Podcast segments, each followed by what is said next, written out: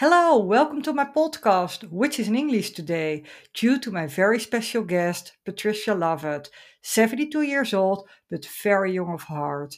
And I'm very honored that she said yes when I asked her for this interview.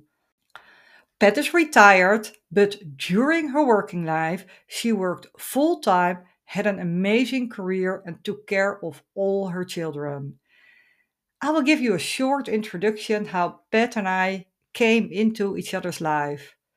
Back in 1991, when I was 16 years old, I decided that the only way I could learn the English language was staying abroad in the US for a year.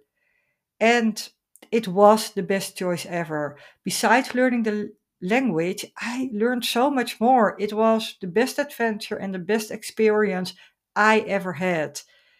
And I'm just extremely lucky that the Lovett family chose me as their exchange student because not only did I live in their house, but I was really part of the family. And then I mean really part of the family. It felt like I was her own daughter, and that was very special. I was the first exchange student, but after me, they had 11 other girls. So we are 12 girls in total now from seven different countries, and Pat and Frank have now 23 grandchildren. And I am still really excited about it because this weekend we had our first sister reunion here in Amersfoort, the Netherlands, with Pat and Frank and 10 of the girls over all those years, I've met some of the girls, but there were still some girls I've never met in real life. And it really was amazing seeing each other, sharing stories, getting to know each other. It was so special. We created memories for life. And as Pat and Frank are both very inspiring people. I asked Pat or I could interview her. She's my role model for a number of reasons. She did not only impact my life in a very positive way, but also the life of my 11 sisters. And that is just amazing. So, all the girls and I came up with some questions we would like to ask you, Pat, because most girls have kids now and combine their motherhood with having a career. Sometimes we think that is challenging. But when you all combined it career, household, kids it seemed very easy for you. And I'm wondering, or that is really the case. Pat, as not all listeners will know you, could you please take us shortly through your career? Well, let's start with Gulf Power Company because prior to that, I had several small jobs working in delicatessens and dime stores and things like that. But my professional career started in 1974 when I went to work for Gulf Power Company in the engineering department. At the same time, I decided to pursue my career at the college level because I had not finished my education at that level as yet. So I went to night school and weekends. And finally, in 1989, I got my accounting degree. Prior to that, though, in ni- after starting at Gulf Power in 1974, uh, uh, one of the managers there was very friendly to me and helpful to me in getting to know my way around the place. And he created a position of office supervisor in the power generation department. Later, after I got my degree, I moved into the accounting department out of the engineering group, where I finished the rest of my career and I started as staff budget coordinator. And in 1993, I became the budget manager over that entire group until I retired in 2010. How many people did you coach in your team? How many people were there in your team? There were uh, direct reports, I had four people, but then that particular department was over combining the budgets for the entire company. So there were approximately 60 people that indirectly interacted with me as far as pulling their budgets together for the entire company. Okay, really nice. Well, you did have an impressive career, but I'm curious when you started your career, were you already really determined to climb up the career ladder, or did it turn out the way during your career?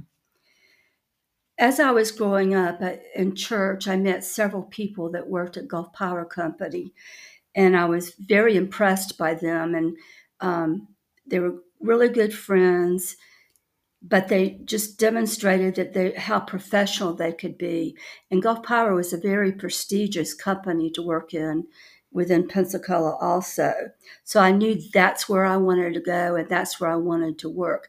From that point, I didn't know how far I wanted to go or anything because I I hadn't I did not even have my degree yet, so I didn't know what area I was going to pursue. Did you think it was easy or did you have to overcome a lot of obstacles while, you know, climbing the career ladder? Gulf Power was a very conservative company, and, and I think most utilities are.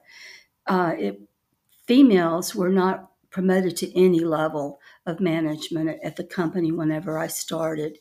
And the problem there too was that a lot of females didn't support one another and helping one another get promoted. So it, I was happy that the manager of Generation recognized my abilities and he actually created that position for me so I could start um, getting recognized more. Okay, wow. What kind of steps did you take, you know, to come this far? Well, to be recognized even more, I, I worked a lot of overtime. And we started uh, having rate cases. A rate case is where you go before the Public Service Commission in Tallahassee, relative to Florida, and ask for uh, increases in your costs.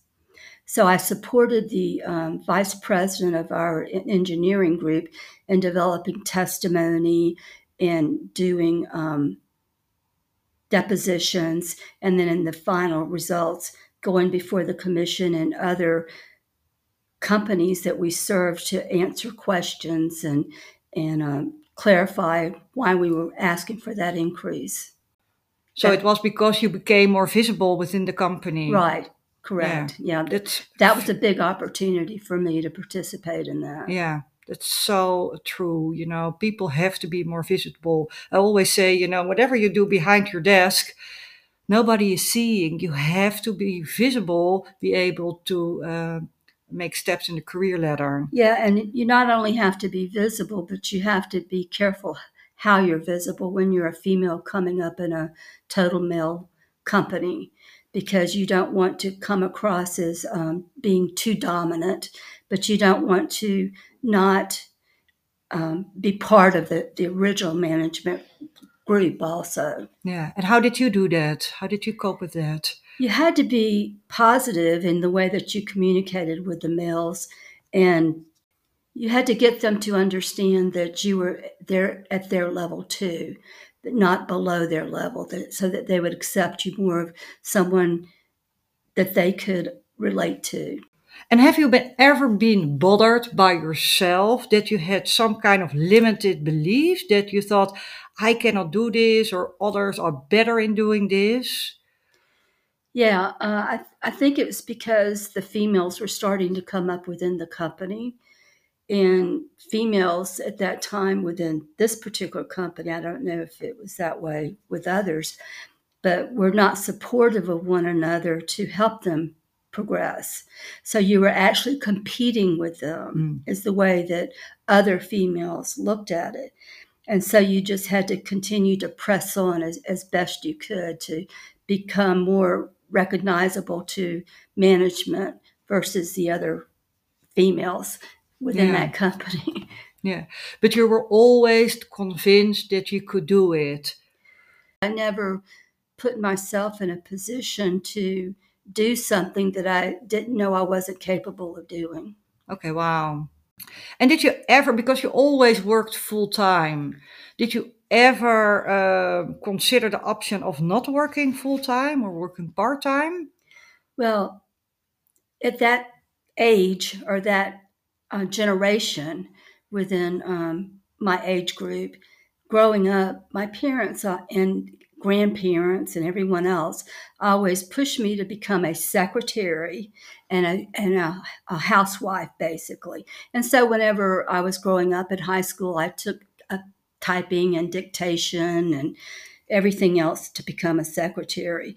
But I, I knew that I wanted to do something better than that. And when the first time I had an opportunity to be a secretary, I totally flopped because I, I, I just, I, I, was just not interested in, in doing something like that. When I started at Gulf Power Company, I was offered a job as a secretary or a clerk.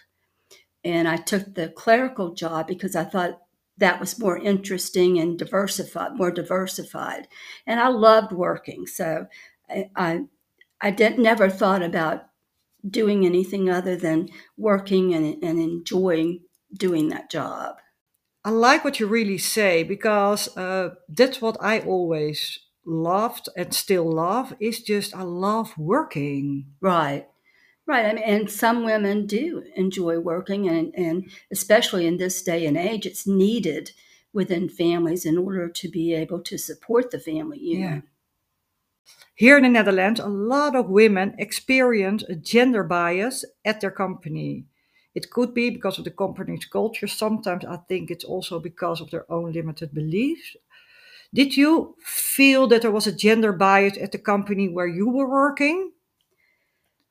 I would say that it was a, um, well, maybe it was a gender bias, but it, it was more that it was an engineering company. And at that point in time, females did not pursue engineering fields. And as the as the um, young people started getting their degrees in uh, engineering and coming up through the company, it started opening things more for the females within the company. Even though I wasn't an engineer, I worked in the engineering departments. Yeah, so there were a lot of males over there. Right. The and, and, you just have to persevere and prove that you could be indispensable to the company and to the area that you are working for. So, do you have tips for other listeners who find it difficult and do experience the gender bias? Well, I think you have to learn to communicate better uh, with everyone in the organization, not just males, but females, because as I stated earlier, I think even females feel um, like they, they don't want to support other females within an organization. So I don't mean you have to cater to them in any way, um, but attempt to be, to let them know that you're at their level as best that you can by being professional, professional and firm in any decisions that you have to work with them on. Yeah. And how did you deal with the other women around you? Well, I don't know. I, I just always treated them like I wanted to be treated, basically. And um, that seemed to always work for me. That's what I like. I like to really empower other ladies. Mm-hmm, definitely. So, yeah. That's a good word. Yeah. Now, right. the more women we have in the boards, the better it is, I think. So, right. and we can really help each other. Well, Pat, you really impacted my life, and I know the life of the other girls as well, in a very positive way. At the moment we lived at your house, we were all about 16 or 17 years old back then, and we thought it was normal what you all did and how you combined everything. But now we, you know, almost all girls have kids of their own now, and now we realize how special it is how you all combined it all, you know, having all the girls, having your career, and running your household.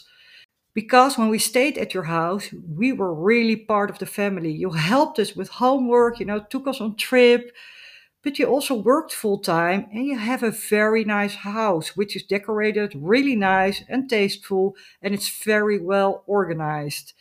And when I lived at your house, the only help you had was somebody mowing the lawn, but no other external help. So you and Frank did everything by yourself. Did you feel like you had to manage your energy with your girls, work, and household? And how did you do that? What was your secret? I really never felt stressed by it because I, am the type of person that is likes to be very organized. So I would make lists of anything that needed to be done or or anything that uh, ways that I could help you girls or and every weekend I would do meal planning for the upcoming week. Frank and I would sit down with that too and review it. and make a grocery list. Go buy the groceries for the upcoming week, and I might even pre prep some foods if I could do that. And at all times, we had a thing about keeping very close communications, Frank and I, with one another and with you girls, so that if you needed us for any specific task, like taking you to a sports event or some other activity after school, that we were aware of that so we could have it on our calendars to take for it to help you take place. Yeah. So planning was key for you? Definitely. Yeah. Planning and organizing. Yeah. and I, you know, you say, well, you, the only thing that you ever had was to keep the lawn up. I was the type of person that I never thought anyone could clean my house any better than I could.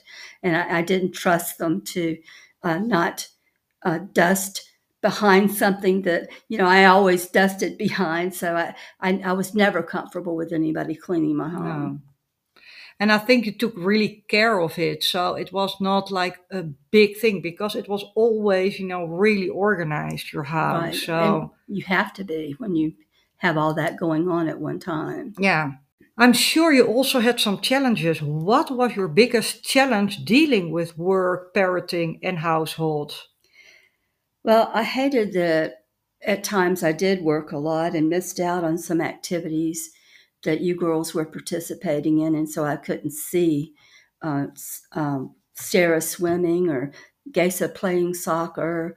Um, but the key thing is that I kept communicating that with Frank, my husband, and expressing my feelings. And, and we would just talk a lot to help me and him also stay calm and be able to do all of it at one time. And we made, mo- I made moments count when I worked with you all so that, you know, I wasn't missed so much when I wasn't there, basically. It's more about the quality of time right. you spent with each other than being there the whole time with each other. And, right. you know, it's not a quality type of time. Right, correct. That's good. Was there ever a moment where you felt really overwhelmed doing all those things? Not really, because, um, and I know you've heard this, but Frank has always said, love your work and you will never work a day in your life. And I mean, he not only stressed that to you kids, but of course I heard it too. And uh, we all just enjoyed everything that we did. And uh, for life, to me, that was very important. And work was important, but my family was important too. And when you say love your work, it's like love your work at work and love your work at home. so you have to factor both of those in. Did you have the feeling things changed over the years in regards to yourself, but also it could be some kind of circumstances? Well, when I took over budgeting and, and basically were over direct, several direct reports, as well as, like I told you, the people outside of budgeting. Of course, we had many personalities. And so learning how to deal with those personalities was very challenging. And, and you, I just learned to sometimes the hard way because of confrontation. And, and so you just learn to be calm, positive, and really listen to people. And I think listening was probably the, the main thing because not only your direct reports, but people from outside, when you're trying to cut budgets or do something negative to a department that they don't want to do, you know, listening to them and, and hopefully helping them to understand your side of things was always a key role. And that was sometimes difficult for me to to accomplish.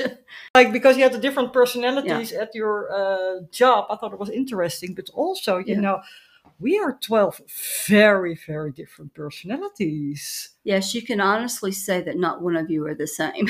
yeah, in any way whatsoever. Even uh, with career options after you left us and everything. That um, and that was the nice part about it is uh, seeing how internationally too, and learning how people act differently, and and learning to um, love and communicate with that with a, each one of you. It, it, was fun.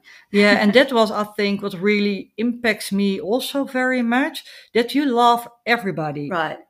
no matter what kind of personality they No. have. And I think, you know, No. I think a lot of people can learn from that. I really think.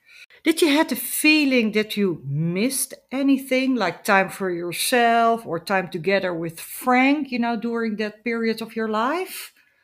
Well, definitely. I mean, I think any wo- career woman is going to feel like they've missed things by not being at home for dinner, maybe one night, or um, like I mentioned earlier, going to an activity or having to, in my case, go to school all weekend for some of the girls because I was going to classes on the weekends also, as well as night classes, trying to finish up my education. And and but you had to focus you have to stop and focus on what you're doing at the time like studying and getting educated so that you can be a better person Oh, that's really nice. But I was re- really wondering, how did you run your household so smoothly? You know, what's your secret? well i don't know if you remember but you each had a responsibility for helping out so like after we had dinner everyone put the dishes in the dishwasher and help clean up the kitchen afterwards uh, i would wash clothes and um, you all help fold clothes. I mean, just clean your room. I, I never went to your room. You cleaned your own room and that type of thing. And that was very helpful to me as, as a female. But also, um, talking during dinner every night for me was uh, helpful. And I think it was helpful to you all too, just having the discussion and and your needs, not only with activities, but just personal needs, what you might have. I need to go to the store tomorrow. I have some things that I need, you know, that type of thing. Yeah, that really helped. Yeah, I think you were on top of everything. So you were never really running behind. I think that was also one of your big secrets. Right. Yes, and that's what I'm trying to do now also at home. but sometimes that can be a negative because you become so focused on getting things done that you forget to step back and enjoy what you're doing right now. what would be your um, number one advice to other working moms listening? Put your family first, no matter what, even before your job, as a very high priority, as a working group um, together to make everything happen. Because if you're not happy at home, you're not going to be happy at work. Even though we know that work is very important, I think family is more important. I agree. I really agree. That's beautiful. You said it in a beautiful way. well, Pat, what makes your story even more empowering that you did not have the best opportunities growing up. It's not that you grew up in a rich family or that you had a nice and empowering neighborhood. Did you feel like, you know, the experience you had in your own childhood sometimes made parenting more difficult for you? Uh, no, because I learned from that. I, I'm the type of person I'm always going to learn from something negative and try to create something positive out of it. So it made it easier for me because of these difficulties during childhood. And I, I promised myself that I would always show and say that I love you to my people around me that I really did care about every day. Oh, wow, that is amazing. And did your background also impact had impact on your career? In some ways, because I knew I wanted something better. I didn't want that life. I wanted to be someone. And, and for me, I always felt like I would be someone. So the opportunities I had at Gulf helped me create that opportunity that I, I grew up always wanting. Would you say it helped you, your background? I think so, even though that is not something I would have wished on any person's life at all. But yeah, I think it did help me. Okay, wow. I always encourage my clients to look for a role model and talk to them because you know you can learn a lot from other mentors. And I also know from all the other girls, you know, my sisters, that you were a true role model for them. You know, it's amazing how you all combined everything. It felt really easy.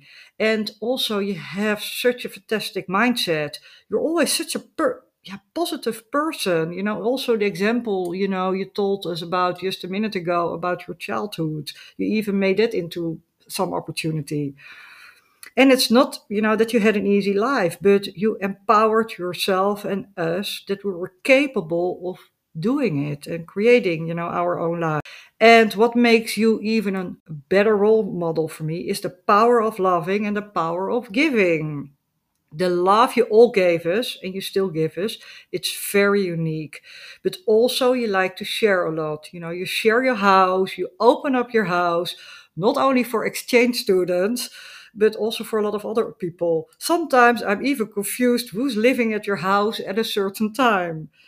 But also, you know, this sister weekend we just had, you made it financially possible. And that is just a small example of all your generosity. You know, you all impacted our lives in a very positive way. I'm curious, Pat, did you have a role model during your career? Well, before I um, met Frank, I was just kind of doing things, you know, and going along and, and not really having a true direction. But once uh, we became married or got together, he became my role model because he pushed me even harder to be the best that I could be. And I, I don't think without his support and his um, encouragement that I would have been able to have accomplished what I did. So Frank really is your role model, but did you have another role model in the company? Was there another lady who helped you? Not at all. No, I, no role models within the company. I, um, I don't know why, but it just didn't happen. What your strength is, is you really empowered yourself. You always believed you could make it. And I think that's very empowering. But how did you do that? I think that um, going to, after graduation and going to college, getting to know other people and being out there in the world because I was so shy in high school and middle school and not dating. I didn't do proms. I didn't do any of that, never, because I was so shy. Going to college and meeting other people and, and both males and females and interacting with them, I just decided on my own that I didn't want to be like this, that I, I, wanted to be someone that everyone wanted to be around and not the mouse in the background. and so I just pushed myself really is what it took because it, and it took a lot of pushing for me to be able to put myself out there so to speak you know to be recognized by other people as, as being a person and how did you push yourself just um, being brave and standing up and talking for in my case to people because I was so shy.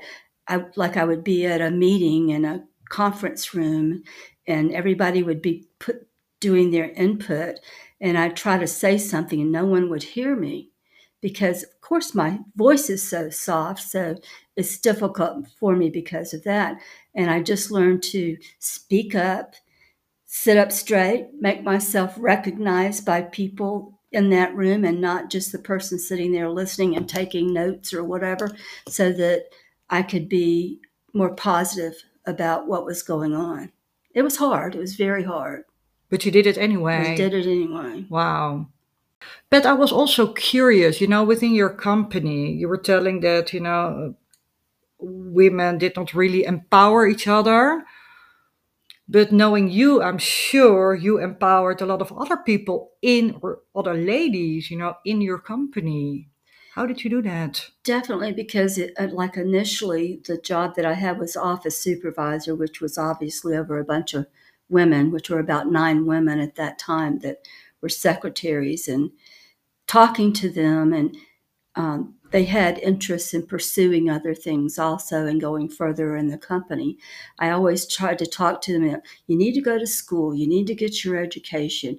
You need to work hard and get out there and be known to people and not just stay in this position if that's what you're interested in. Don't think that it's just going to happen. You have to work for it. Yes. And I also had um, high school students that would come in and work for me. They called it ACT back then, where they got work experiences. And out of those girls that came in, they happened to be girls that came in, I hired two of them to work for the company. And one of the first one just retired. Oh, really? And, and to this day, I mean, we're we're very close, and um, she, she just did an outstanding job. She started as a clerk and ended up in the security department of the company because that's what she enjoyed so much. I mean, it, it really seeing people achieve things is uh, what I want to do in life. Oh, wow, Pat, that is a beautiful quote. Seeing people achieve things is what I want to do in life. Well, you made that happen. I know that you did not always have a very easy life and that you also experienced trauma and negative things in your life. But what makes you a really good role model is the way you cope with that. How do you do that?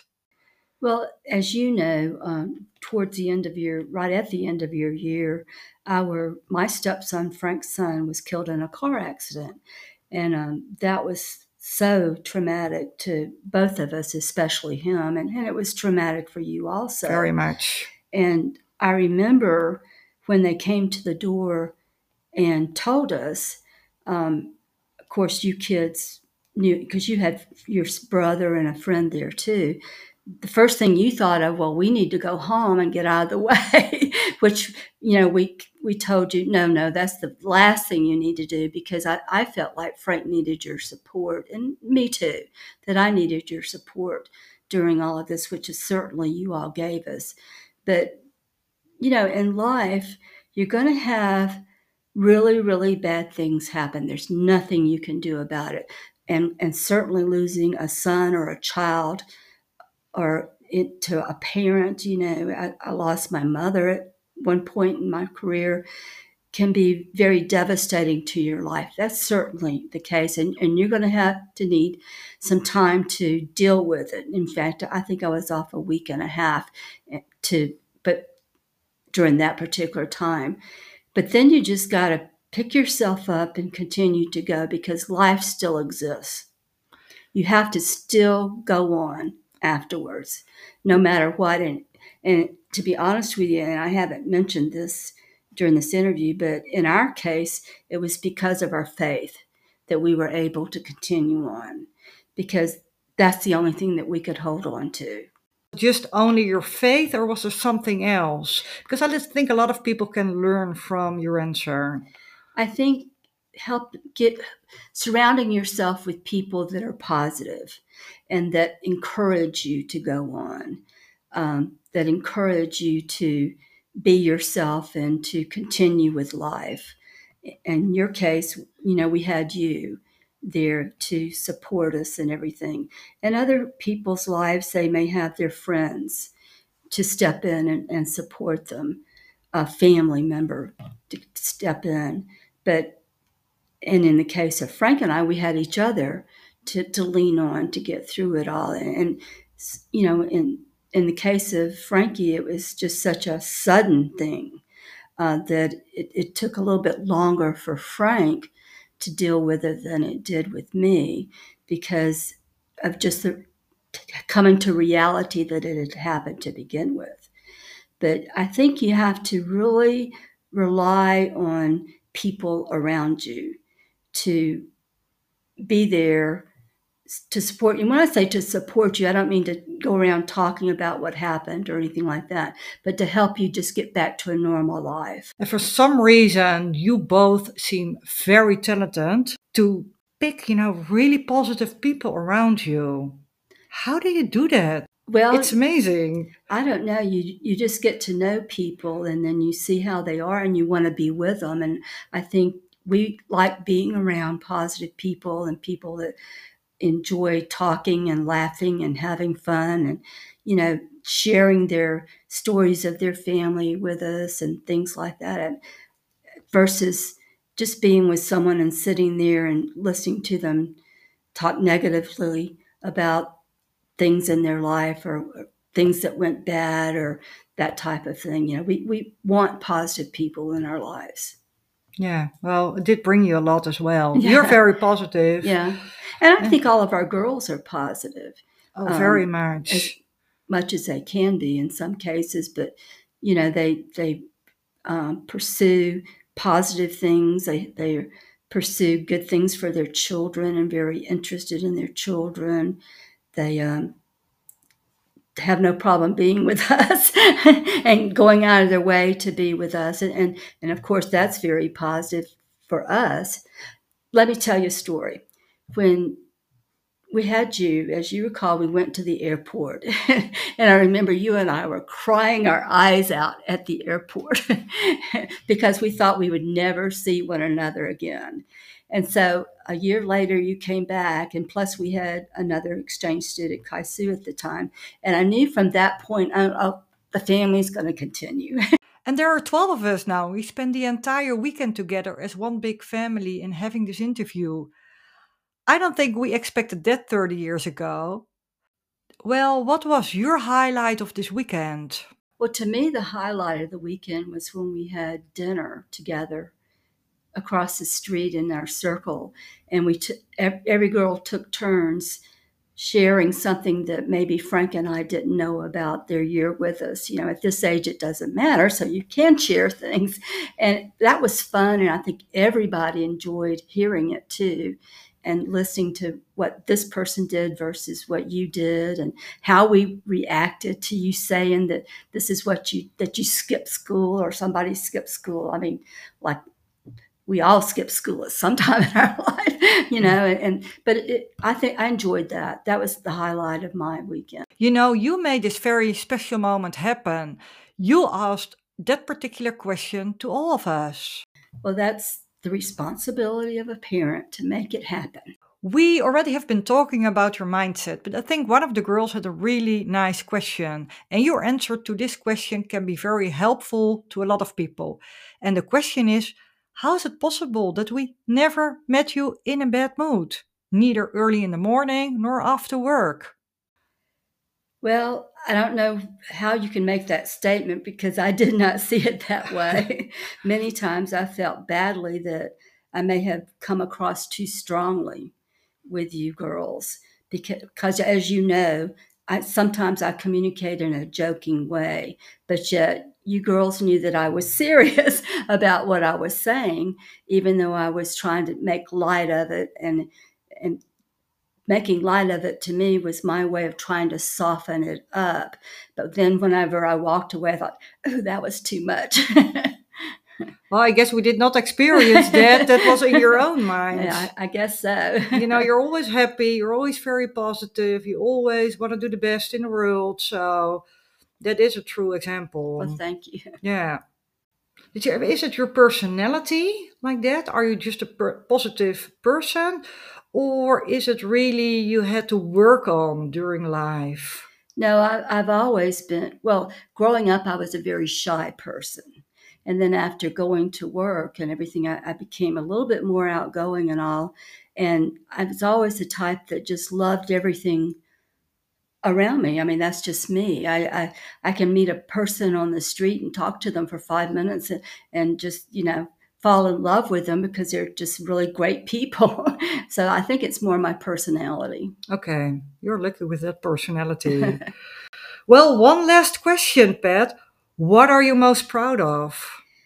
To be honest with you, I think my girls, because uh, they've all grown up in totally different ways, but they're very wonderful professional ladies like you and kind and loving mothers. And I, I, I really love watching you all interact with your children and with one another because I'm, I'm seeing that, oh, yeah, that's great. You know, they, they've learned and they're doing really, really well, not only professionally, but when they come home, they're being so kind and sweet to their children.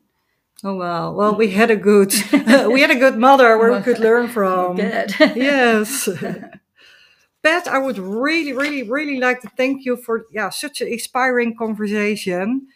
You know, I'm very grateful for everything you have done for me and I know for all the other girls. well, thank you. If you like this interview, you could help me by giving me a review. At Apple Podcast, you can search within Apple Podcast for Danja Lekkerkerk podcast. It's not possible to give me a review on one episode. You really have to go to Danja Lekkerkerk podcast where you have all the episodes. You scroll down and you see five stars.